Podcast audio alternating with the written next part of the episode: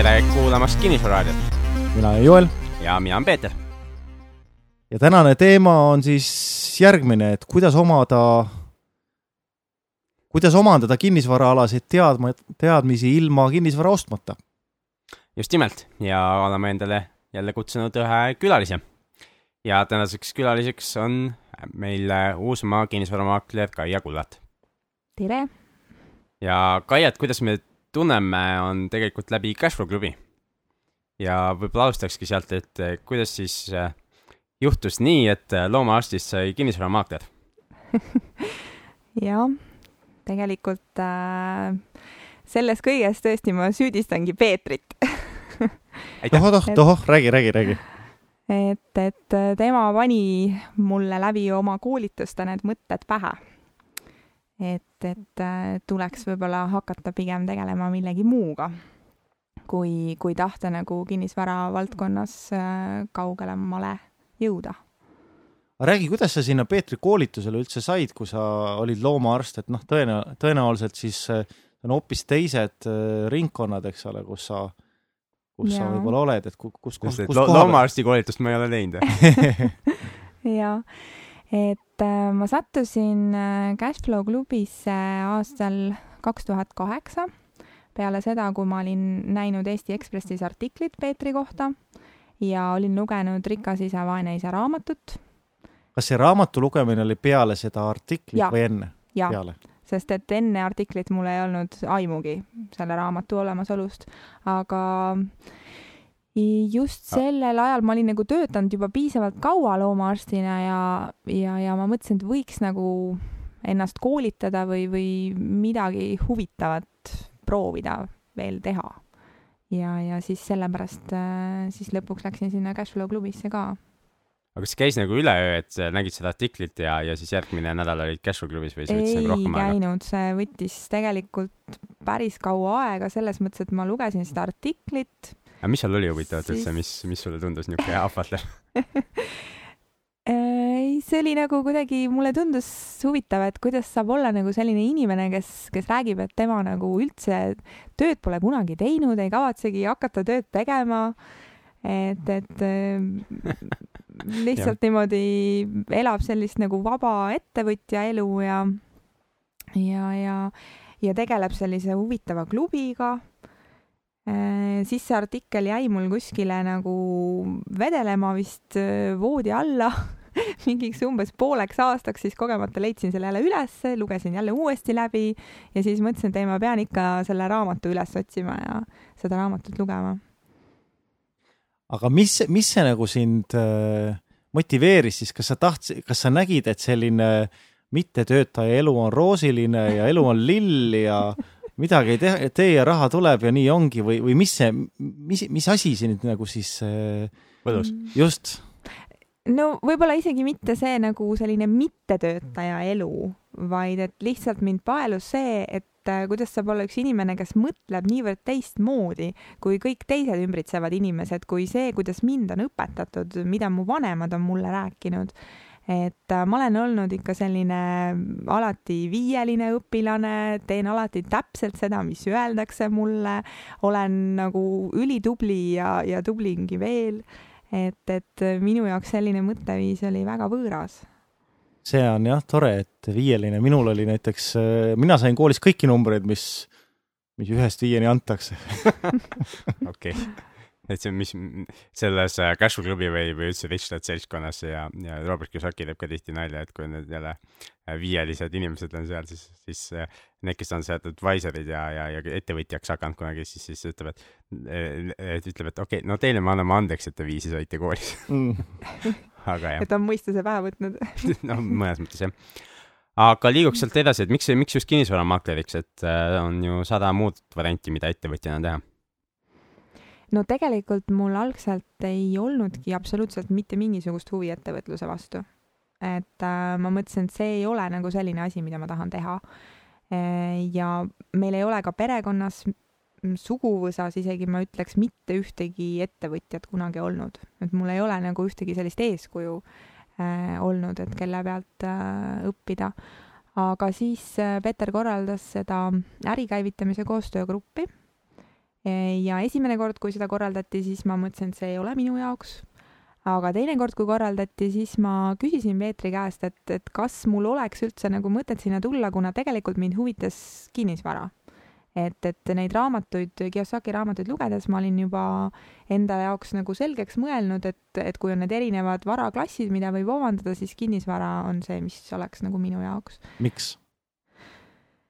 Äh, noh, aktsiad tundusid minu jaoks nagu liiga, liiga muutlikud, liiga kiired, liiga riskantsed Äh, ja ettevõtlus oli jah, minu jaoks selline nagu hämar ala, et, et, et mida ma siis üldse suudaks nagu välja mõelda sellist ainulaadset, mida mitte keegi teine maailmas pole pakkunud või teinud, et, et kinnisvara tundus selline selge, loogiline. ja, ja mul on nagu kuidagi alati pakkunud huvi lihtsalt mm, vaadata nagu kasvõi tänava pealt mingisuguseid maju ja mõelda, et huvitav, kui mitu korterit selles majas on, millised planeeringud, millised toad milline sisustus, et see on juba kuidagi nagu ammu mul juba teismelise põlvest olnud selline kummaline harrastus kõndida mööda tänavaid ja vahtida maju. Ja kinnisvaramaakleri ametis tuleb see kindlasti kasuks, eks ju? täpselt. Okei. Okay.. aga mis sealt ettevõtluskoolituselt sulle nagu külge või mis sind siis tõmbas lõpuks sinna ikkagi selleks kinnisvaramaakeriks, et me, et kinnisvaraga mm -hmm. saab ju väga erinevaid asju teha, et me siin saadeteski olemegi rääkinud ju kinnisvarainvestoritega, eks ju, ja noh, nad ei hakka maakleriks ise, et, et nad kasutavad teiste teenuseid selleks. et mis, mis sind just tõmbas niisuguse maakleriameti poole? Äh, no seal koolitusel oli nagu kaks mõtet, mis äh, jäid mulle meelde ja panid mind mõtlema, et äh, üks oli see, et kuidas liikuda erinevate kvadrantide vahel. mis need et... kvadrandid on, äkki meil on mõned inimesed, kes ei tea, millest jutt käib? et sellest pikemalt saab lugeda sellest äh, Rahavooga rant raamatust, eks ju, Robert Kisakilt. aga kui, kui lühidalt üle käia, äh, siis äh, et ta jagab inimesed nagu neljaks mõttemaailma poolest ja ütleb, et eri, erinevad inimesed mõtlevad täiesti erinevalt. üks on palgatöötaja mõtteviis ja, ja palgatöötaja, mis raamatust ta välja toob, on see, et põhiküsimus on, eks ju, et palju ma palka saan mis kell töö hakkab, mis kell lõpeb, eks ju, kas ma mingisuguseid äh, lisahüvesid ka saan, kus on mu mobiiltelefon, kus on minu auto, kus on minu spordiklubi liikmelisus ja, ja nii edasi, eks ju, ja noh, hoolimata sellest, kas see siis on koristaja või tippjuht, eks ju. siis äh, järgmine veerand on siis äh, väikeettevõtja e, ja S-kvadrant on seal, see tuleb self-employed inglise keelest. ja kes on siis FIE või väike, väike osaühingu omanik ja tema niisugune põhiline mõtteviis, mis, mis seal raamatus, kuidas ta kirjeldab teda, on see, et äh, milleks lasta kellelgi teisel midagi teha, kui saab ise kõige paremini teha. ja, ja siis ta tahab saada kontrolli kõige üle ja, ja, ja just on see, et ise tegemine on niisugune kõige-kõige väärtuslikum. ja, ja selle kvadranti kõige hullem asi on see, et vaata, kuna sa pead ise kõike tegema, sellel hetkel, kui sa ei tee, lähed puhkusele, oled haige või mingi muu probleem, siis raha sisse, sissetulemine lakkab. just nimelt. ja ja seal on veel see, et see väike ettevõtjana, eks ju, sa ise oledki kogu süsteem, eks ju, mähjas. ja siis on teine pool ja, ja, ja vaadata neid veerandeid, eks ju, siis tundub, ah, mis need neli veerandit on, aga see on nagu hästi suur vahe nendel kahel esimesel ja, ja kahel teisel. ja, ja, ja paremal poolelt, kui vaadata seda äh, rahavoo kvadranti, on siis B ja I veerandid. B on big business või, või suur ettevõtja ja, Kiyosaki iseloomustab seda viissada töötajat või rohkem ja, ja mingites varasemates raamatustes tegelikult, oli veel see erinevus sinna toodud, et väikeettevõtja ja suurettevõtja vahe on siis see, et kui ma läheksin aastaks ajaks ära, et kui ma tagasi tulen, et kas siis on midagi ettevõttest veel alles, enamus väikeettevõtjate nagu vastus on see, et ei ole mitte midagi, eks ju. kliendid on ka kadunud, mitte midagi ei toimu enam. Ja suurettevõtjatel eh, võib tihtilugu olla see, et, et ettevõte on edasi kasvanud ja läheb veel paremini, kui, kui ta seal ees ei takista asjade käiku ja, ja ja mis veel suurettevõtjat iseloomustas, oli selline küsimus seal raamatus, et, et milleks teha ise, kui on olemas keegi, kes suudab äh, seda asja teha paremini, kiiremini, efektiivsemalt. ja, ja siis on seal veel, et need suurettevõtjad või B-veerandis siis inimesed kasutavad teiste inimeste aega. ehk ja need teised inimesed ongi needsamad palgatöötajad ja väikeettevõtjad siis. ja siis jääb üle neljas veerand, mis on investor. ja nüüd investori äh, sõnaga on nagu hästi palju niisuguseid äh, erinevaid arusaamu eks ju, et tihti ju meile kõigile on tehtud, võiks isegi öelda ajupesu, eks ju, et kui me paneme raha pensionifondi, siis me oleme investorid. et Kiyosaki ei pea seda silmas, eks ju, ta ütleb, et investor on see, kes investeerib teiste inimeste raha. ehk sinu fondi haldur on investor, aga mitte sina, kes sa si sinna oma raha topid. ja, ja, ja või kui me teeme siin kinnisvaratehinguid, kui me või, või Joel rääkis siin sündikaattehingust, eks ju, siis teised, teised inimesed panid nagu raha ja, ja siis koos tehti seda tehingut. või, või kui minul on ka praegu siin pooleli üks, üks, üks kinnisvaraarendus või üks korter, kort-, suurem korteri renoveerimine, kus on täielikult investori raha, et investor ütleb kogu raha, eks ju, minu poolt tuleb siis aeg ja teadmised. et siis ma olen nagu see investor seal. jah, kõige primitiivsem äh, moodus või kõige kergem moodus hakata investoriks on see, kui sa võtad pangast laenu, see on ka teiste inimeste raha. just nimelt jah. ja, ja, ja palju keerulisem järgmine etapp on see, et, et saa, raha ei tule pangast, vaid see tuleb äh, teistelt äh, isikutelt ja ettevõtetelt omakapitalina. ehk et neil on ka võimalus äh, läbi sinu tegevuse raha kaotada. sest pank ta tahab, vaatab alati, et oleks piisavalt tagatud ja et tema ei kaotaks, eks ju, ja laenude puhul ka, aga kui keegi annab sulle omakapitalina raha, siis tal on võimalus ka kaotada see. aga see oli lühidalt see rahavoo variant ka ja mis sulle sealt nagu tundus niisugusena, et miks sa tahtsid sealt palgatöötaja veerandist välja saada? No tookord me rääkisimegi sellest, et äh, ei saa nagu sealt äh, palgatöötaja kvadrandist otse hüpata üle sinna teise poole peale, et investori või, või suurärimehe kvadranti, sellepärast et sa aga ei miks sa üldse tahaks sinna minna? aga miks sa tahaks sinna üldse minna? No ma olin piisavalt lugenud selleks ajaks äh, Kiyosaki raamatuid, et, et minu nagu eesmärgiks oli ikkagi investeerida kinnisvarasse ja just nimelt üürikinnisvarasse ja kuidas ma saaksin loomaarsti teadmistega hallata mingisuguseid suuri üürimajasid või loomahaiglaid. võib-olla seda jah, aga et ikkagi see kinnisvarahaldus äh, ja omamine ja ostmine ja müümine ja, ja laenude saamine on hoopis teine valdkond, millest ma ei teadnud mitte midagi. ja, ja siis seal oligi nagu see mõte, et, et selleks, et üldse hakata nagu liikuma sealt töötaja kvadrandist välja, kõigepealt tuleb teha see otsus ja liikuda edasi sellesse väikeettevõtja kvadranti, et seal siis äh, on võimalik nagu eh, omandada neid teadmiseid nagu sellisel nii-öelda baastasemel ja siis, kui sa oled juba piisavalt äh, tark, siis sa vaikselt nagu arened siis edasi sinna teise poole peale, sinna suurettevõtja poole peale ja investori poole peal ja see on Jah. pikk protsess, et see ei juhtu nagu üleöö. kohe, aga et noh, et just, et see esimene samm on vaja ikkagi teha otsus ja, ja astuda välja sealt palgatöötaja staatusest. et enne, kui üldse sul hakkab nagu jääma siis piisavalt aega tegeleda nende asjadega, sest palgatöötajana ikkagi keegi teine, sinu tööandja kontrollib sinu aega.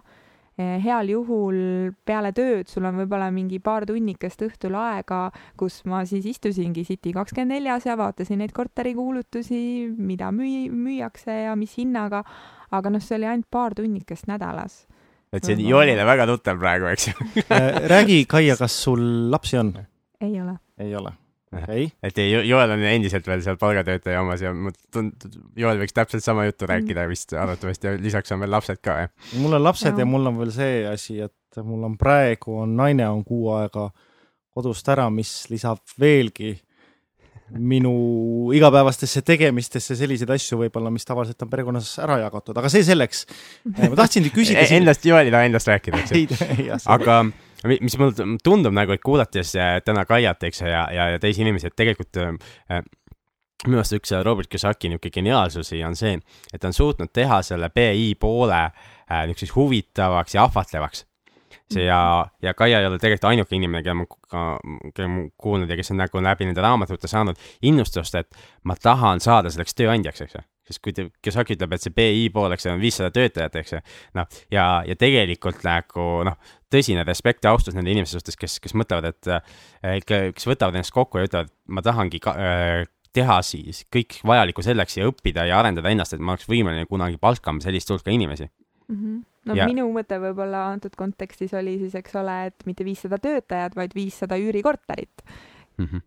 investorina, eks ju. jah, et, et sellepärast, et kui te ra- raadiokuulaja ka täna, eks ju, kui sa kuulad siia, loed igapäevaseid uudiseid, siis, siis palju on töötus Hispaanias, eks ju.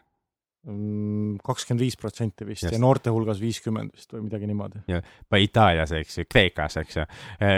kasvõi siinsamas Eestis, eks ju, kui palju on töötus, eks ju. tegelikult, mida meil ongi vaja, meil ongi, on vaja neid ettevõtjaid, eks ju, kes need töökohad äh, looksid ja kes ja, ja, ja töökohtade loomine ei ole nagu niisama, eks ju, see. ja riik ei saa teda teha sellepärast, et okei okay,, Tallinn on proovinud lüüa neid sotsiaalseid töökohti, on need reisisaatjad ja ja mingi muu jama, eks ju. ja aga... igasugused need talvel lumekoristajad, ma olen päris mitu korda talvel vaadanud ja seis-, seisanud, seisnud kõrvale ja vaadanud, kuidas nad lund koristavad. üks seisab äh, labida otsas ja teine niisamad seisavad kõrval, eks ole, ja ükski neist mitte midagi ei tee nojah, et see siis ei ole nagu mingi lisandväärtus, mida, ilma milleta ühiskond nagu hakkama ei saa, et ettevõtjana noh, keegi ei maksa niisuguse jama eest, eks ju. ja, ja sa pead ikkagi kliendile midagi, midagi lisa, mingit lisaväärtust või midagi pakkuma, eks ju, et ta üldse maksma hakkaks selle eest. aga läheme tagasi, mul oli väga tähtis küsimus sinule. sa ütlesid, et kõige tähtsam on teha see otsus. räägi lühidalt, kuidas see otsuse tegemise protsess sul läks? kas see oli kerge, oli see valulik, kuidas sa selle otsuseni lõpuks jõudsid? Nojah, ega see väga lihtsalt ei tulnud selles mõttes, et äh, sinna läks ka ikkagi päris kaua aega sellest hetkest, kui ma jõudsin sellele arusaamisele, et äh, mida oleks vaja teha. see oli vist umbes aasta alguses lõppes ära see koolitus, siis ma juba nagu selle koolituse lõpuks mõistsin, et, et äh, ma pean ikkagi oma palgatööst loobuma, et see ei vii mind kuskile edasi selle eesmärgi suunas, mis ma tahan saavutada ja siis, siis ma pidin mõtlema, et kuidas ma saaksin sealt vanast töökohast ära tulla üldse. oh et..., ma tean, see on väga kerge. ütled midagi bossile veel väga-väga-väga nagu vänget ja vänget ja see tulemine on kerge, võib-olla nad isegi aitavad kaasa ei, ei, ei, see ei olnud nagu variant minu jaoks okay. selles mõttes, et, et jah mm, ma tundsin nagu ka väga suurt äh, vastutust äh, selles mõttes, et äh, mina olin selle firma ainukene töötaja, ma olin ka aidanud nullist peale ehitada üles seda firmat, seda loomakliinikut, seda ettevõtet. Ja, ja samas noh, just, et tundsingi nagu vastutust, et kui ma sealt ära tulen, et siis kõik nagu ei kukuks selle pärast kokku või noh, võib-olla ma nagu arvasin ka natuke liiga palju endast, aga et loomulikult see kliinik ei kukkunud kokku, sellepärast et ma sealt ära tulin, aga aga ikkagi ma pidin tegema seda nagu järk-järgult. et äh, ma tulin siis kõigepealt poole kohaga töölt ära, et ma saaks nagu natukene järgi mõelda asjade üle ja teine põhjus oli ka see, et, äh, et kui sa oled palgatööl, sul on kindel palk iga kuu, sul on olemas äh, mõnus elamine, korter, sul on auto, sa saad käia võib-olla korra aastas puhkusel, sa saad osta endale kõike, mis sa tahad. et äh, milleks sellest loobuda? et okei okay,, et sul on see suur unistus, suur eesmärk, et sa, sa tahad nagu siis kunagi saada sellest oravarattast välja, aga sul ei ole piisavat survet või motivatsiooni, et sa nagu mõtled, küll ma noh, kunagi võib-olla jõuan sinna, aga, aga nagu sellist äh, põhjust, et seda väga-väga tahta ei ole, kui sa elad niisuguses mugavas keskklassi elus. see on ju nii riskantne nojah, seda ka just, et, et, et ma alguses ei julgenudki kellelegi öelda oma tutvusringkonnas, et ma üldse niisugust asja mõtlen. ja siis oligi, et kui ma poole kohaga tulin sealt töölt ära, siis hakkaski kolme-nelja kuu möödudes tekkima selline probleem, et ei olnud enam nii palju raha. et ei saanud enam kõike endale lubada ja siis tekkis see surve, et noh, et nüüd ma pean ära otsustama kas ma siis liigun edasi ja, ja lõplikult tulen sealt ära või ma ütlen, et okei okay,, ma tulen tagasi ja, ja elan nagu mugavat elu edasi. aga just, et selleks hetkeks, kuna ma olin nii kaugele juba liikunud, siis ei tundunud enam nagu variandina minna täiskohaga tagasi tööle. ja, ja siis, siis ma tulin, tulin ära, et see oli siis äh, tegelikult alles aasta pärast sellest või rohkemgi kui aasta pärast kas aasta peale seda koolitust või aasta peale, peale seda, koolitust. peale koolitust, jah ja.? okei okay., ja kaua sa umbes seda poole kohaga tööd tegid? pool aastat. pool aastat. see on üks, minu käest on hästi palju küsitud, eks ju, et selle ettevõtluskoolituse koha pealt või just või et kui me nendel, nendel teemadel koolitusi oleme teinud, et kus on tulemused, et miks me ei näe tulemusi kohe, eks ju mm, -hmm. aga see on nagu palju rohkem võtab aega, et kui me kinnisvarakoolitusi oleme teinud, eks ju, siis, siis on see, et noh, nagu me ütleme osalejatele ka, et, et, et kuue kuu pärast on üks järgmine koolitus, et tule tagasi ainult siis, kui sa oled midagi ära teinud, eks ju. see ettevõtluskoolitus, ma ei saa kunagi niimoodi öelda, sellepärast et need asjad võtavad palju kauem aega. kinnisvara puhul on nagu kuue kuuga, noh, peaks ikka suutma midagi ära osta, renoveerida, müüa või mida iganes, midagi mi,, kuhugi ikka jõuad, eks ju aga, aga ettevõtluse osas ja nende otsuste ja muutuste osas kõik võtab oluliselt rohkem aega üks selline näide võib-olla inimestele, kellele matemaatika meeldib, võivad võtta paberi ja pliiatsi, kirjutada üles selle ülesande, kui meil on suur, suur jalgpallistaadion nagu maailmameistrivõistlustel ja kui ta on täiesti niimoodi veekindel, et sinna saab hakata vett sisse laskma ja see kuskilt välja ei lähe, et välja läheb ainult siis, kui läheb üle ääre. kui hakata niimoodi sinna laskma vett sisse, et, et iga minut või tähendab, esimene minut tuleb üks tilk ja siis järgmine minut tuleb kaks ja siis tuleb neli ja kaheksa ja kuusteist ja kolmkümmend kaks, kuuskümmend neli, ehk siis iga kord tuleb nii-öelda poole rohkem mm. -hmm. ja kui staadion on täiesti ääreni täis kell kaksteist päeval, siis mis kell on staadion poole peal? mis mõttes no lõpupoole ta saab nagu kiiremini täis, alguses. noh, see ongi küsimus, mis kell ta on poole peal? ei tea ka, mis, kuidas see ettevõtluse ja selle otsusega seotud on? see, vot poole peal on äh, minut enne kahteteist, sest iga minutiga tuleb poole rohkem ah,. Okay. eks ole, ja kuidas see on ettevõtlusega seotud, on see, et äh, ettevõtlusega on täpselt samamoodi, sa alguses paned sinna aega ja vaeva ja mitte keegi ei näe seda. Ja mingisugune hetk, kui asjad hakkavad paremini minema, siis teistele tundub, et sa said üleöö rikkaks just, et kui see, sul oli õnne. kui see üks aasta on Äripäeva top viiesajas, eks ju, mis just ilmus, eks ju, rikaste top viissada. oled seal rikaste top viiesajas ükskord, eks ju, uustulnukana, siis kõik järsku avastavad, et oo oh,, kuule, kuidas sa niimoodi üleöö rikkaks said, eks ju, et, et see, et seal võib-olla äh, on kümme, viisteist, ma ei tea, palju aastat, eks ju, tööd, nagu see, see jääb nagu tähelepanuta. Muidugi tänast rikaste topi vaadates, seal on nagu igasugu muid anomaaliaid esineb, eks ju, äh, koos selle äh, iseseisvuse taastamise ja segaste majandusoludega, kuidas omandati mingisuguseid varasid ja, ja saadi sinna toppi ja, ja ollakse seal siiamaani. aga ütleme, niisuguses normaalses olukorras, eks ju, see, see asi võtab nagu ikka päris palju aega. jah, aga lähme tagasi Kaie juurde. nii et äh, aasta võttis aega, siis sa tulid, täielikult tulid töölt ära. Ja kuidas sa siis oma elu finantseerisid peale seda, kui sul enam töökohta ei olnud? Äh, no siis oligi selleks ajaks, ma olin käinud juba siis vestlusel seal Uusmaa kinnisvarabüroos. Mm, et võib-olla ma räägiks seda ka, et miks, miks siis ikkagi just selleks kinnisvaramaakleriks. et, et see oli ka teine mõte sealt koolituselt, et äh, et kuna ma tahtsin nagu kinnisvaraga tegeleda ja neid eh, kinnisvaraalaseid eh, teadmiseid omandada, aga samas mul tegelikult ei olnud kuskilt võtta sellist raha, mida kohe investeerida kinnisvarasse, et ise hakata tehinguid tegema.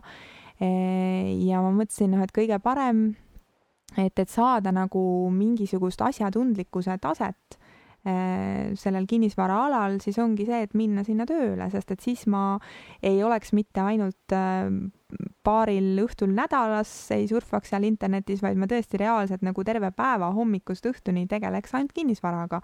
ma kogu aeg kuuleks, mis on korteri hinnad, mis on müüdud, mis on ostetud äh, kuidas üldse käib see omanikega läbirääkimine, kuidas notaris tuleb käituda ja kõik sellised asjad, et ma elaksin need ise nii-öelda läbi iga päev ja õpiksin seeläbi palju kiiremini. Peeter, vaata äh, jälle rääkides Robert Kiyosakist, tal on see cone of learning, mis eesti keeles võiks olla? see oli mingi õppimise püramiid või midagi sellist. jah, midagi sellist. ja seal on sellised asjad nagu lugemine, kirjutamine, videode vaatamine mm. -hmm. just, et see on pärit siis mingi, mingist doktori uuringust või doktoritööst kusagil seitsmekümnendatest. et see nagu tema välja mõeldud ja see on minu meelest paaris eesti keeles raamatus ka on et seal on see, kui kiiresti või kui kiiresti või sa õpid või tegelikult, mis see täpselt ütleb, on see, et, et kui ma a la loen täna, kui palju ma kahe nädala pärast mäletan sellest ja, ja õppimise kiirus on ka tegelikult sellega seotud. siis see lugemine ja kirjutamine mingi kümme, kakskümmend protsenti on kahe nädala pärast tavaliselt inimesel meeles. ja see, mida Kaia nüüd räägib, on tegelikult see, et sa simuleerid reaalset kogemust ja, ja seal oli minu meelest oli seitsekümmend või kaheksakümmend mingi noh, päris palju on, jääb nagu meelde, kuna sa, sa teed seda äh, seda läbi, eks ju, mitte küll oma rahaga, eks ju, siis jääb nagu kõige paremini meelde, eks ju, see eluks ajaks meelde. aga, aga see, et sa teed koos oma klientidega või kellegi teisega teed seda läbi, et siis, siis sellest jääb ka ikkagi väga-väga palju meelde. ja mis see kogu selle loo point on see, et äh, ma tean enda kogemusest ja tean ka, et on kindlasti meil kuulajaid, kes, eks ole, kuulavad, harivad ennast, aga ei ole jõudnud veel seda esimest tehingut teha. et äh, võtke julgus kokku, pole mõtet karta, tee see esimene tehing ära, tee teine tehing ära, saad palju targemaks ja asjad lähevad libedamaks. ja et noh, alati me võime öelda selle, et soovitus, et mine ja, ja osta kohe midagi ja vaata, mis siis juhtub, eks ju. aga samas see on ohtlik soovitus ka sellepärast, et, et äh, iga asjaga on võimalik ka raha kaotada, kinnisvaraga samamoodi. ja, ja noh, nii raske, kui see, seda on uskuda, eks ju, vähemalt mul endal, eks ju, mul ei ole ühtegi tehingut endal lõppenud kaotusega. Aga ma, noh, ma tean inimesi, kes, kes on kinnisvaraga raha kaotanud ja, ja selles suhtes see tee vist nagu Kaia Selle... valis tundub nagu niisugune noh, küll aeglasem, aga, aga stabiilsem ja, ja, ja turvalisem. nojah, see on äh, tegelikult kõikide nende kinnisvaratehingute tegemise alus või eeldus ongi see, et sa tunned turgu, sa tead, mis on hetke turusituatsioon ja noh, kinnisvaramaaklerid teavad seda kõige paremini, nad on kogu aeg seal sees. miks sa valisid Uusmaa? Äh, ma natukene vaatasin internetis neid erinevaid kodulehekülgi, äh, mida erinevad bürood pakuvad. Ja Uusmaas äh, oli hästi positiivne see, et nendel oli, no mõnedel muudel büroodel ka pakuti algajatele koolitust et nad äh, müügikoolitust ja, ja sellist nii-öelda maakleri baasteadmiseid, aga Uusmaal oli lisaks veel ka see, et nad igale algajale maaklerile määravad siis äh, kellegi vanema maakleri selliseks juhendajaks või nii-öelda mentoriks. et kes siis alguses äh, aitab nagu järje peale saada ja samas hoiab silma peal et, et see oli hästi selline positiivne ja üleüldse mulle tundus Uusmaa selline hästi nagu päikeseline ja, ja sõbralik kollektiiv. Ehm, et, et see oli no iseenesestmõistetav valik ja, ja ma nagu nüüd, kui ma seal töötan, ma ei kujutaks ka ette enam, et ma kuskile mujale läheksin. kas sa kuidagi valmistusid ette ka, ma ei tea, õppisid midagi, küsisid maaklerite käest, kuidas, kuidas sa valmistusid ette enne seda, kui sa läksid sealt uksest sisse, ütlesid, et tere, mina olen Kaia, mina olen teie uus maakler. Äh, ma mäletan, et ma nägin päris palju vaeva oma CV koostamisega, sellepärast et äh, seal olid põhiliselt ikkagi, mis ma sinna CV-sse oleksin saanud kirjutada, igasugused äh, loomaarsti koolitused ja, ja kus ma olin töötanud, eks ole, loomakliinikus, noh, varem ka nagu tudengina mingeid suvetöid teinud, aga ma olin küll käinud ka sellel kinnisvara abc koolitusel äh, umbes mingi aasta aega varem.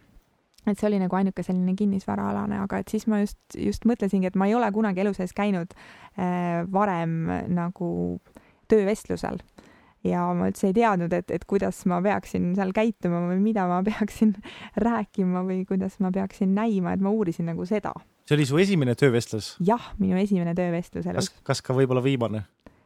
tahaks loota küll, jah aga nüüd me räägime nagu töökoha saamisest, eks ju, aga sa, ennem rääkisime nagu ettevõtjaks saamisest, et kuidas need nagu seotud on, et kas kinnisvaramaakler, kumb ta siis on, on ta siis töötaja või ettevõtja?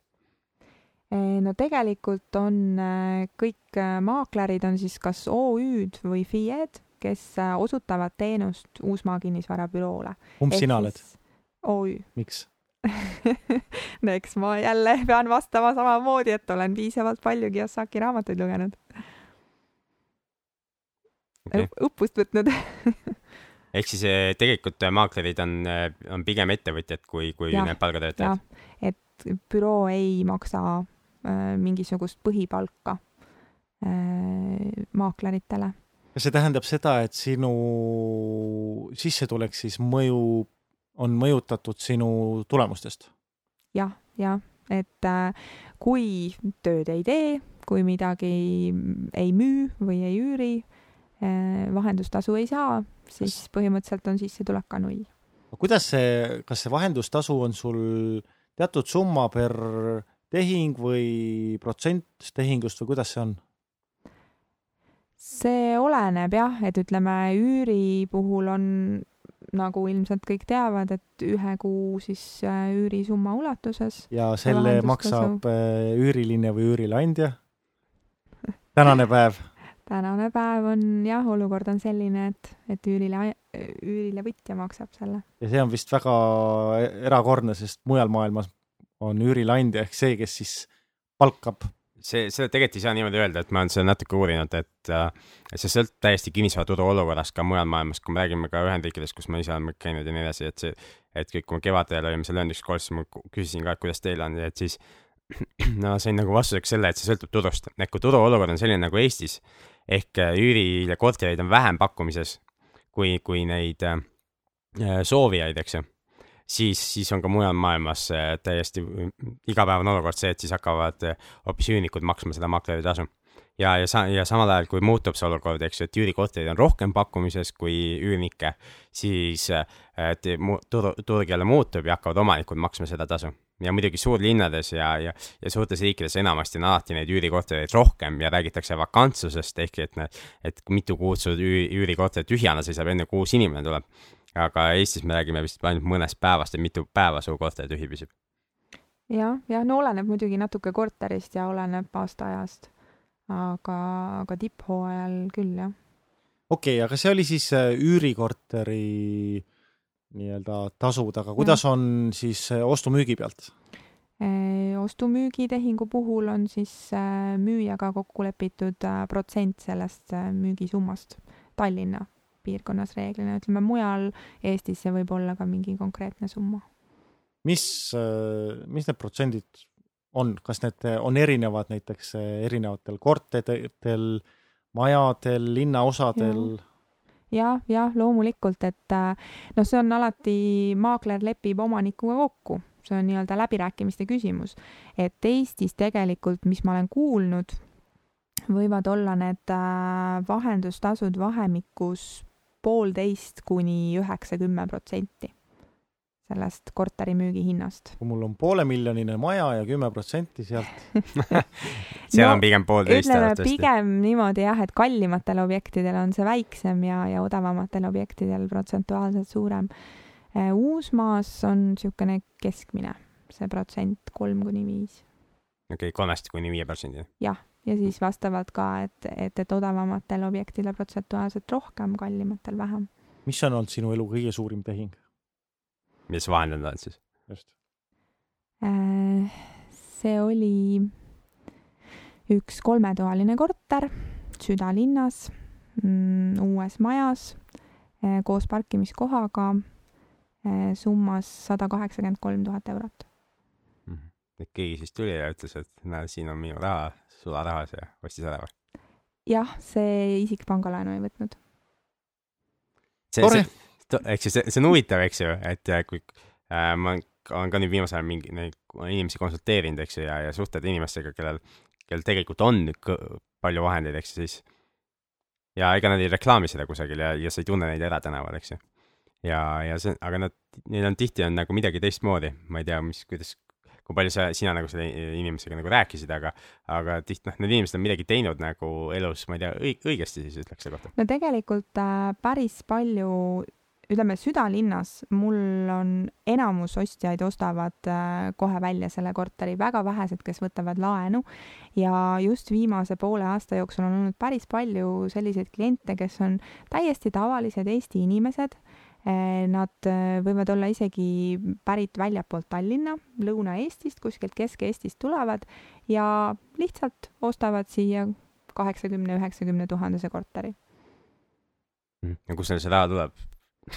ei tea? ei tea jah, eks nad on siis äh, kas aastate jooksul kogunenud või midagi muud maha müünud suuremat. või midagi muud jah, et, et tahavad nüüd siis äh, panna selle raha kindlasse investeeringusse ja, ja Tallinnasse osta korteri. aga nad ostavad siis endale või, või investeeringuna nagu see just? Äh, mõned on ostnud investeeringuna, mõned on ostnud näiteks äh, lapsele või lapselapsele elamiseks, et siis hiljem ka nii-öelda aja jooksul see väärtus kasvab ja, ja saab siis jälle vajadusel maha müüa, kui.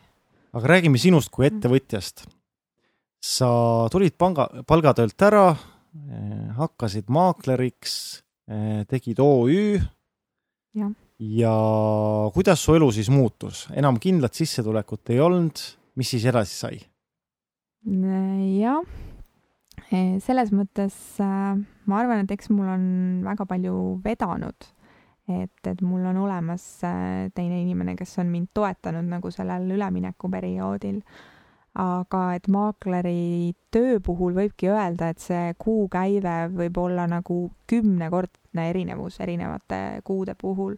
et ei ole nagu mingi sellist väga-väga stabiilset sissetulekut ja ja võib-olla jah, et selles mõttes on hea, et mul ei ole nagu lapsi ja, ja mingit suuremat perekonda, sest peredega maakleritel on see päris raske. mis seda mõjutab, sa ütlesid, et võib olla kümnekordne vahe mis, mis seda mõjutab? Äh, võivad olla erinevad asjad, et kas on mingisugune vaiksem periood, et lihtsalt ostetakse, üüritakse vähem, nagu näiteks suveperiood kipub olema või aastavahetus. miks suvi on vaikne, sellest inimestel on puhkus, neil on aegu käia, aega käia vaatamas. inimesed sõidavad linnast ära, sõidavad kuskile suvilatesse aga noh, samas võib olla näiteks ka see, et isegi kui sa oled teinud mingit, iga kuu mingeid tehinguid, võib ka rahade laekumine lükkuda edasi järgmisesse kuusse eh, mingitel põhjustel. et, et eh, siis ongi niimoodi, et üks kuu on see käive nagu väga väike, aga järgmisesse kuusse on lükkunud kõik kokku jah, sest see tegelikult maakleril ju see, palju sa tööd teed ja, ja mis tulemus tuleb, ega need ei ole ju üks-ühele seotud, et sa võid väga palju, väga palju tööd teha ja, ja siis tulemus tuleb jah, või teed väga palju tööd ja mingi suur tehing kukub ära, ei tulegi tulemust üldse. mis on sinu kolm sellist äh, trikki, millega sa oma sissetulekut saad mõjutada maakleri töös? trikki? või noh, sinu, mille, millega, millega sa saad äh, positiivselt mõjutada, et nüüd, nüüd tuleb see diil kui need saladused ei ole, siin võib-olla kuulavad konk-, konkurendid ka. no eks see on selles mõttes äh, see tulemus sõltub ikkagi nagu sellest, et kui palju sa tööd teed. et kui sa teed lühikesi tööpäevasid, siis on loogiline, et, et kuskilt äh, ei tule, aga, aga et kui sa haarad kinni nagu igast võimalusest kui sa kaardistad, aktiivselt otsid endale uusi objekte, siis see ka tagab seda, et tulevikus sul on siis objekte, mida müüa. kuidas näiteks... see siis toimib, kas siis, siis kas sa vaatad kuskil kuulutusi, kus erainimesed müüvad, võtad telefoni kätte, helistad, et kuule, et ma hakkan maakleriks su objektile või, või kuidas see toimib? Eh, no nooremmaaklerid küll teevad niimoodi jah, et kaks põhilist asja, mida nad teevad, ongi see, et nad eh, helistavad läbi tavakasutajaid ehk siis kes on internetis äh, tavalised inimesed üles pannud oma kuulutused ja reklaamivad ennast siis näiteks pannes flaiereid postkastidesse või, või äh, trepikodade kuulutuste tahvlitele äh,, helistavad näiteks korteriühistute esimeestele, räägivad nendega kuni selleni välja, et kui on mingisugused äh, üritused, näiteks mingid laadad, mingid linnaosapäevad, et siis äh, Uusmaa päris tihti osaleb ka sellistel üritustel ja siis seal tulevad inimesed lihtsalt küsima nõu oma kinnisvara osas või tahavad, on mingid üürisoovid ja niimoodi saavad nooremmaaklerid kontakte ja, ja uusi potentsiaalseid kliente. et selles mõttes ongi, et alguses on nagu seda tööd tuleb teha hästi palju, sest keegi ei tunne sind, mitte keegi ei tule pakkuma sulle midagi niisama et hiljem, kui sa oled juba töötanud endale välja mingisuguse kliendibaasi, siis on see palju lihtsam, et see nii-öelda see otsimise töö osa on palju vähe, vähem aega võtab ja, ja sa saad keskenduda siis äh, müügile rohkem, et ja tulemusi on ka rohkem. alguses on vastupidi, palju tööd, vähe raha.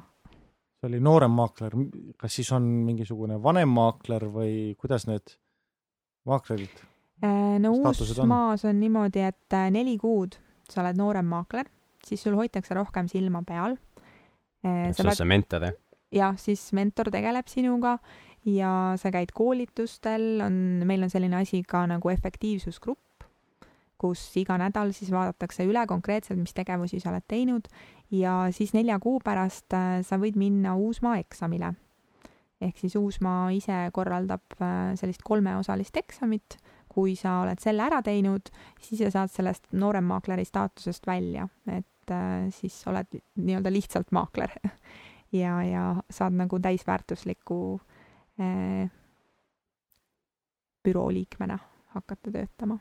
kas noorel maakler, nooremal maakleril on mingisugused äh, piirangud ka ala, kuskil andmebaasis näeb vähem asju või midagi sellist ka või selles mõttes nagu vahet ei ole? Ei, selles mõttes vahet ei ole, et lihtsalt äh, nooremaakleritel on nagu mingid kohustused, mida nad peavad tegema, nad peavad ikkagi kohvi Olema- keetma vanematele.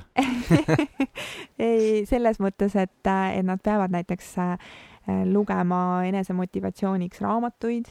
vot kuidas see käib, kas siis pärast keegi küsib küsimusi selle raamatu kohta või lihtsalt ütled, et lugesin läbi, näed, nüüd ma ei olegi enam noorem?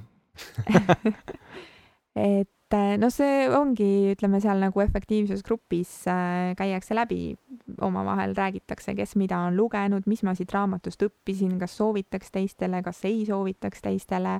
Ja, ja näiteks meil on, nooremad teevad vahest ka üldkoosolekul vanematele maakleritele, esitlevad mingeid huvitavaid raamatuid äh, või mingisuguseid plaate, mis nad on kuulanud, et, et lihtsalt see on nagu maaklerile hästi oluline kogu aeg motiveerida ennast sest et see töö on ikkagi emotsionaalselt võib olla päris vahest niimoodi, et äh, selline Ameerika raudtee, et üles-alla et sellepärast on, on nagu vaja kogu aeg hoida seda positiivsust ja, ja leida nagu neid uusi asju.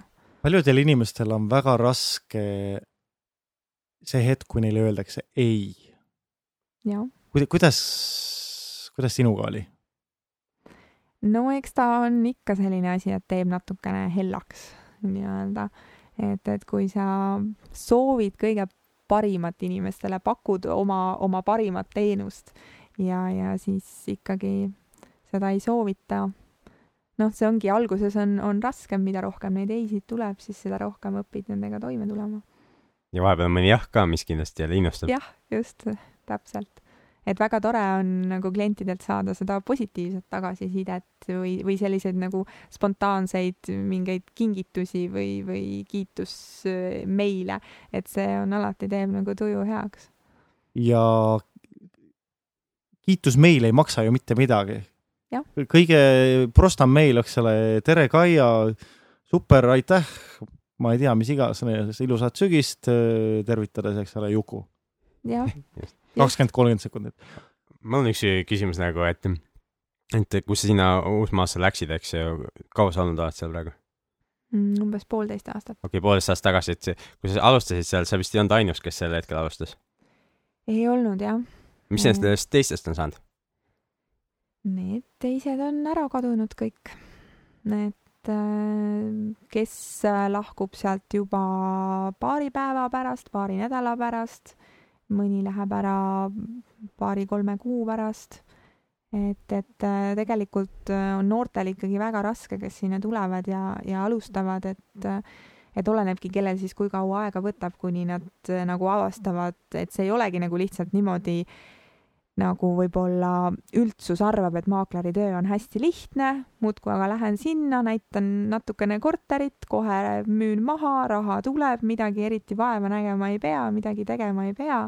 et, et sellel maakleri tööl on natuke selline maine tegelikult. no on ikka jah, ja aga see, see on tihti on see, et et inimene, kes mingi tehingu teeb või ära ostab, eks ju, siis tema nägi seda maaklerit ainult üks kord ja mõt-, ja siis tal tekibki tunne, et, et see oligi kogu maakleri töö, kas see oligi kogu see asi, millest ma talle maksin, eks ta ei näe seda, seda, ma ei tea, kümmet või sadat korda, millal maakler varem seal juba käis ja mingite inimestega suhtles. Jah, või ka see, et, et mida maakler üldse kõigepealt teeb, enne kui ta selle korteri kuulutuse üles paneb, professionaalne maakler mida ta kõike taustauuringut teeb, eks ole. mida te teete, sest noh, osa maklereid nagu ei tee mitte midagi, eks ju, ütlevad, et saada mm. mulle pildid ja ma viskan need veebi ja, ja, ja kogu moos, eks ju. aga meie, mis te teistmoodi teete? no põhiline ongi, et äh, kui ma nüüd lähen, eks ole, korterit müüki võtma, äh, panen kirja kõik informatsiooni korteri kohta, äh, küsin korteriomanikult kõik arved, korteriühistu kontaktid, helistan korteriühistule, äh, uurin ühistu plaanide kohta, mis on tehtud, mis on veel tulevikus plaanis teha, äh, võtan kinnistusraamatust väljavõtte, uurin ehitusregistrist äh, selle maja kohta, teinekord on vaja ka näiteks detailplaneeringuid välja võtta, kui näiteks maja kõrval on tühi krunt, siis ostjad ikka kipuvad küsima, et mis siia on tulemas või mis siia võidakse ehitada. nagu LHV panga kõrval näiteks jah, et tühikõnt on jah, et huvitav, mis sinna tuleb. okei. ja siis äh, Mm, siis koostan, eks ole, selle kuulutuse. tavaliselt mina, kui ma korterit müüki võtan, siis ma palun fotograafil teha pildid sellest korterist. kas sul on mingi teatud fotograaf, keda sa kasutad? on küll, jah ja, ja siis, kui see kuulutus on valmis, tavaliselt saadan ka omanikule ülevaatamiseks, et äh, ta on kõigega nõus, mis seal kuulutuses on, siis see alles läheb ülesse. ja, ja muidugi seda ka tihtipeale omanikud ja ostjad ei näe, et äh, teinekord mõnele objektile tuleb päris palju meile, hinnapakkumisi, et, et kõikide nendega tegelemine ka tegelikult võtab aega, enne kui sa võib-olla mõne aja kokku lepid ja siis reaalselt sinna kohale lähed seda objekti näitama. räägi, Kaia, kuidas see hind sinna kuulutuse peale tekib mm -hmm.? okei okay,, sa paned jah, klaviatuurilt paned need numbrid sisse, aga kuidas see hind määratakse? et äh, mina tavaliselt äh, ei ütle nagu kunagi kohe otse hinda, kui ma kohapeal olen. et võib-olla mul on endal mingisugune juba nägemus, arvamus olemas, aga tavaliselt ma konsulteerin vähemalt kahe oma kolleegiga, mis nemad arvavad, mis see hind võiks olla ja hindamisosakonnaga ka. Et nendel on siis äh,, saavad vaadata reaalselt tehtud tehinguid seal piirkonnas ja siis moodustub see kõige õigem hind sellele objektile, aga noh, muidugi teinekord võib olla, et isegi kui hindamisväärtus on, on mingil objektil nagu öö, nii-öelda numbrid näitavad midagi muud, et see väärtus, millega ta müügiks võiks minna, võib nagu erineda sellest hindamisväärtusest. Kui palju on selliseid olukordi, kus inimesed hindavad oma korteri väärtust kõrgemaks, kui mida sina hindad ja mhm. sellises olukorras, mis sa teed?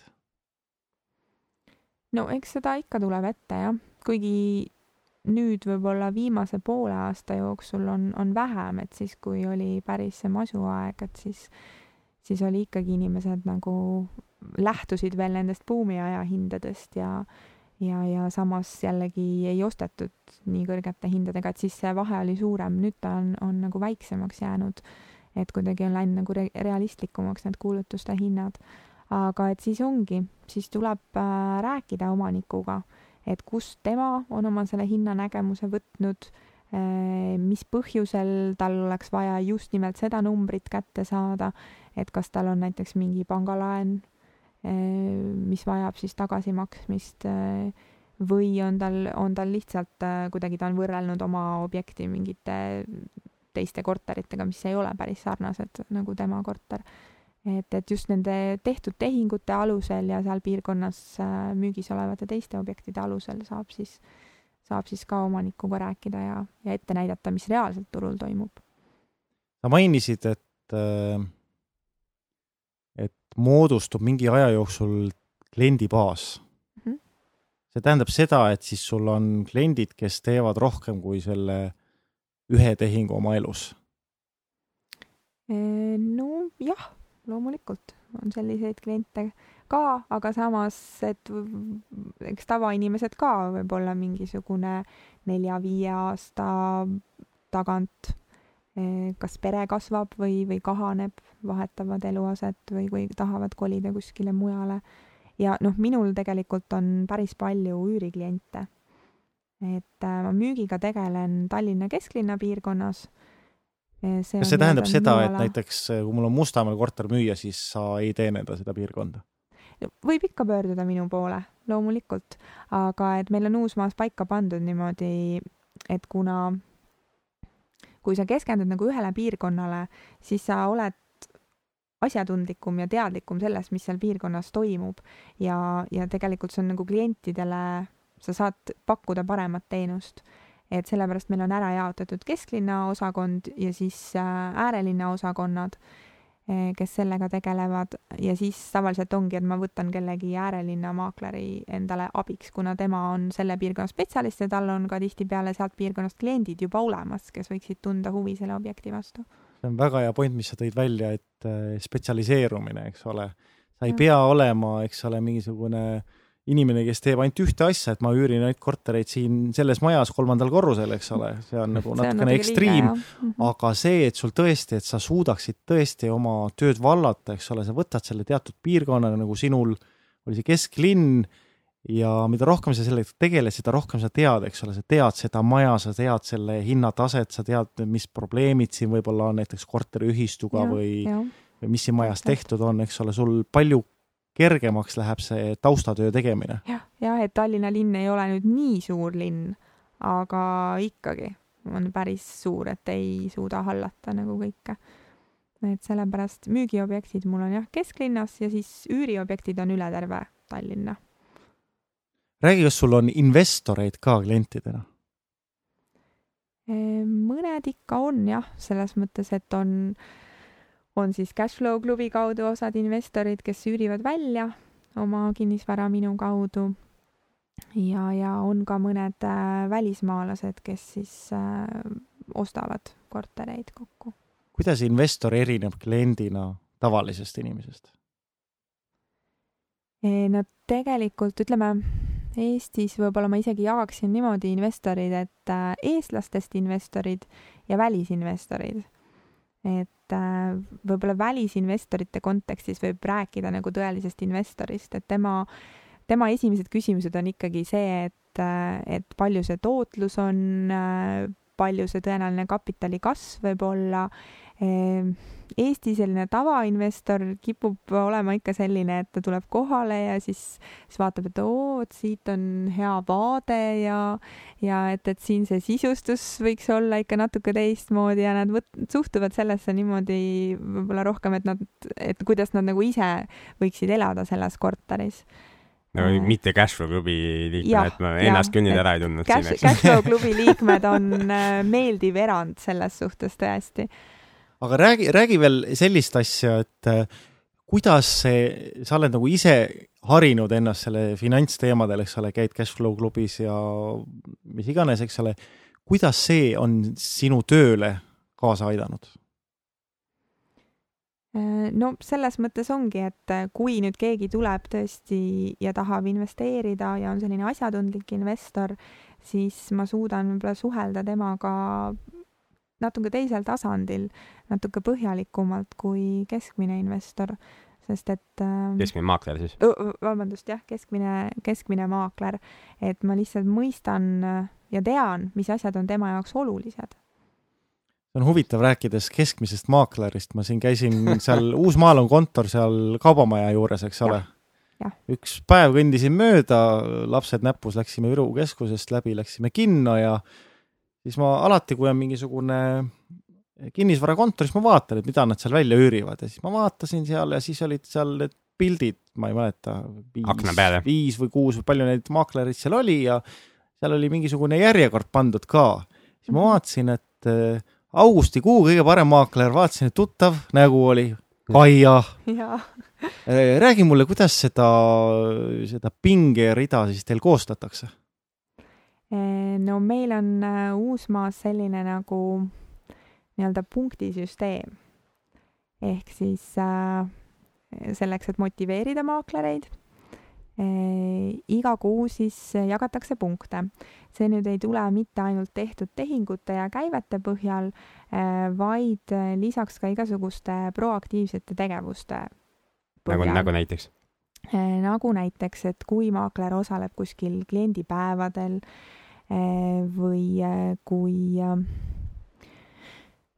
kui maakler on hea klienditeenindaja selles mõttes, et, et mingid kliendid kiidavad teda, annavad positiivset tagasisidet, kui maakleri kätte usaldatakse võtmeid, kui, kui maakler, meil on isegi selline ka rida, et kui maakler teeb mingisuguseid veel nagu lisategevusi kliendi heaks, mida ta justkui maaklerina ei peaks tegema. näiteks minu jaoks on see iseenesestmõistetav, et kui mulle tuleb mõni välistudeng, üüriline, kes astub esimest korda Tallinnas lennuki pealt maha ja ei tea, kuhu minna, mida teha. Hollikasse oli mul jah, ööklubisse või? et ma olen teinekord käinud sellistel üürilistel lennujaamas vastas. kas et... meediaga suhtlemise eest saab ka punkte? ja, ja. näiteks raadios esinemise eest vot jah, ma pean seda küsima, kas selle eest saab, aga muidugi ütleme nii-öelda ajakirjandusele kommentaaride andmise eest või artiklite kirjutamise eest saab ka jah mm. -hmm. nii et kui keegi tahab Uusmaa kõige parimat maaklerit, siis äh, Kaia on see inimene. Saate lõpus võtame su kontaktid ka veel igaks juhuks. aga palun. okei okay., mis me veel teada tahaksime? Äh, nüüd sa ütlesid, sa oled poolteist aastat circa olnud, eks ole, selles maailmas ja, sees. mis su elus muutunud on? oih, väga palju ma ei teagi, kust otsast üldse alustada. selles mõttes, et äh, ma tunnen, et ma teen iga päev täpselt seda, mida ma tahan. Ma tunnen, et äh, ma olen meeletult arenenud, ma olen, ma olen õppinud äh, uusi asju äh,. ma tunnen, et ma olen äh,, mu kontekst on laienenud, ma olen astunud päris kaugele välja oma mugavustsoonist et olen sundinud ennast tegema igasuguseid uusi asju, mida ma varem võib-olla ei oleks teinud. et, ähm, et kui ma nüüd tagantjärgi mõtlen, et kui ma oleksin jäänud oma vanale töökohale, oleks läinud see pooleteist aastat mööda, ma oleks täpselt seesama inimene, kui ma siis olin, siis, siis oleks ikka väga kurb küll mida sa ütleksid nendele inimestele, kes võib-olla on selle peale mõelnud, aga ei ole julgenud seda otsust teha, et loobuda palgatööst või et alustada palgatöö lisaks äh, mingisuguse väiksema ettevõtlusega? no ma ütleks, et see pakub nii palju uusi võimalusi ja see muudab täielikult teie maailma niimoodi, et te kindlasti ei kahetse.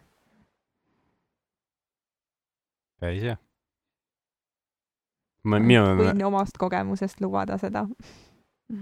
minul on väga, noh, mul on huvitav alati kuulata, eks ju, neid lugusid ja, ja ja need on nagu vahvad, aga kuna mind keegi ei ole palgatöötajaks kunagi kuhugi tahtnud eriti, siis mul ei ole nagu seda kogemust jälle, eks ju. no ei tea, tahtnud, ma arvan, et sa võib-olla ise ei ole üritanud seda ka saavutada, eks ole. ei ole.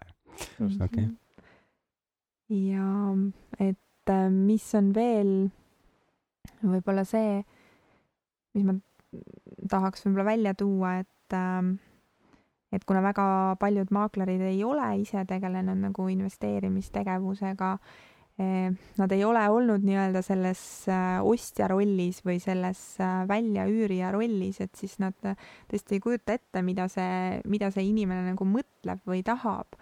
et, et ähm, noh, minu eesmärk just ongi, et ka investeerida järjest rohkem kinnisvarasse ise ehk et, et mõista siis äh, neid inimesi, kes, kes tulevad klientidena minu juurde, mõista neid paremini. Ja sa oled vist oma esimese investeeringu ära ka teinud või on neid juba rohkem kui üks? Äh, jah, olen esimese investeeringu olen hetkel ära teinud, et see. kuidas läks? see ootab veel lõpuleviimist ehk siis see ost on toimunud, eks ju, renoveerimine on toimunud ja, ja, ja, ja müük peaks kohe-kohe toimuma. just meil hakkab aeg, hakkab otsa saama, aga viimane küsimus. kuhu suunas Eesti või võt-, oleme spetsiifilisem, kuhu suunas Tallinna kinnisvaraturg praegu liigub? Eh, no praegult eh, see aasta on olnud eh, kinnisvaraturg väga aktiivne. ei ole toimunud sellist nagu äravajumist suveperioodil ka, mis tavapäraselt on. et kogu aeg keskmised ruutmeetri hinnad tasapisi tõusevad ikka ülespoole, et selles mõttes kindlasti on nagu selline paigalseis on, on möödunud. ja, ja ma usun, et, et see nagu jätkub kogu aeg ülespoole. Et kui vaadata seda, mis, mis... kogu aeg ülespoole ei kõla just. ei no mitte kogu aeg, aga ma ütlen, et nagu lähi, lähima aasta jooksul, lähimate aastate jooksul see jätkub, äh, see hindade ja, ja tehingute arvu kasv. Ehm.. kuidas üürituruga on, mis seal toimub?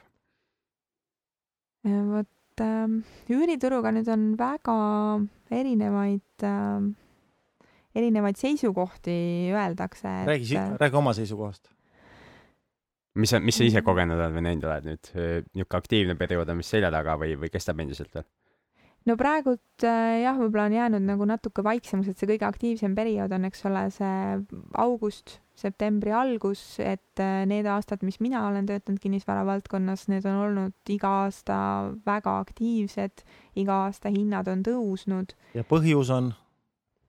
Põhjus on selles, et, et sügisperioodil, eks ole, koolid algavad ja, ja paljud inimesed vahetavad töökohta ja ja lihtsalt otsivad kõik enam-vähem samal perioodil neid elamispindasid. ja samas ikkagi pakkumine on, on väga vähene. eriti just niisuguses soodsamas hinnaklassis kortereid on vähe et sellepärast äh, mulle tundub, noh, kuigi nagu ennustatakse, et, et äh, mõningate aastate möödudes äh, kuna ostmine saab inimesele kasulikumaks kui üürimine tänu siis madalatele intressidele, et, et siis võiks nagu see üüriturg justkui rahuneda maha, aga samas ma, mina isiklikult väga ei usu seda me ka ei usu. ehk aeg, aeg, aeg seda näitab jah, ega intressid ei ole kunagi jäänud madalaks, alati intressid on tsüklides, lähevad üles-alla mm. -hmm.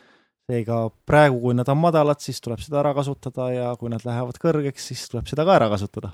ja alati on inimesed, kellel ei ole sissemaksuks raha, eks ju, et seda laenu võtta ja alati on inimesed, kes on juba laenu võtnud ja saanud oma kohtutäituri kaudu lahti jälle oma kinnisvarast ja, ja, ja mõnda aega enam ei saa laenu et, et selles suhtes noh, mingi hulk inimesi ikka üüriturul alati, alati on. Aga kui sa vaatad nagu neid inimesi, kes üürivad, kes nad on nagu, et kas nad on siis nüüd, nüüd ainult need noored inimesed või on nad nüüd, ma ei tea, vanad inimesed või on, või mis, mis vanuses ja kes nad on? no kesklinna piirkonnas muidugi on hästi palju välismaalaseid, hästi palju tudengeid Eh, kes tulevad siia, noh, kas siis võtavad ainult üheks aastaks üürikorteri või, või ka mitmeteks aastateks.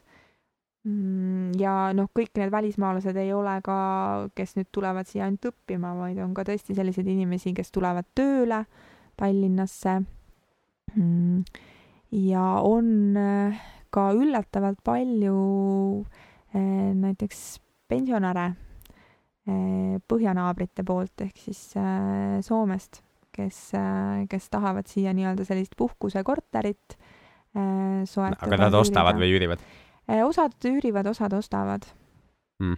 ja, ja siis äh, seetõttu on just noh, nõudlus niisugustele uuematele korteritele ka.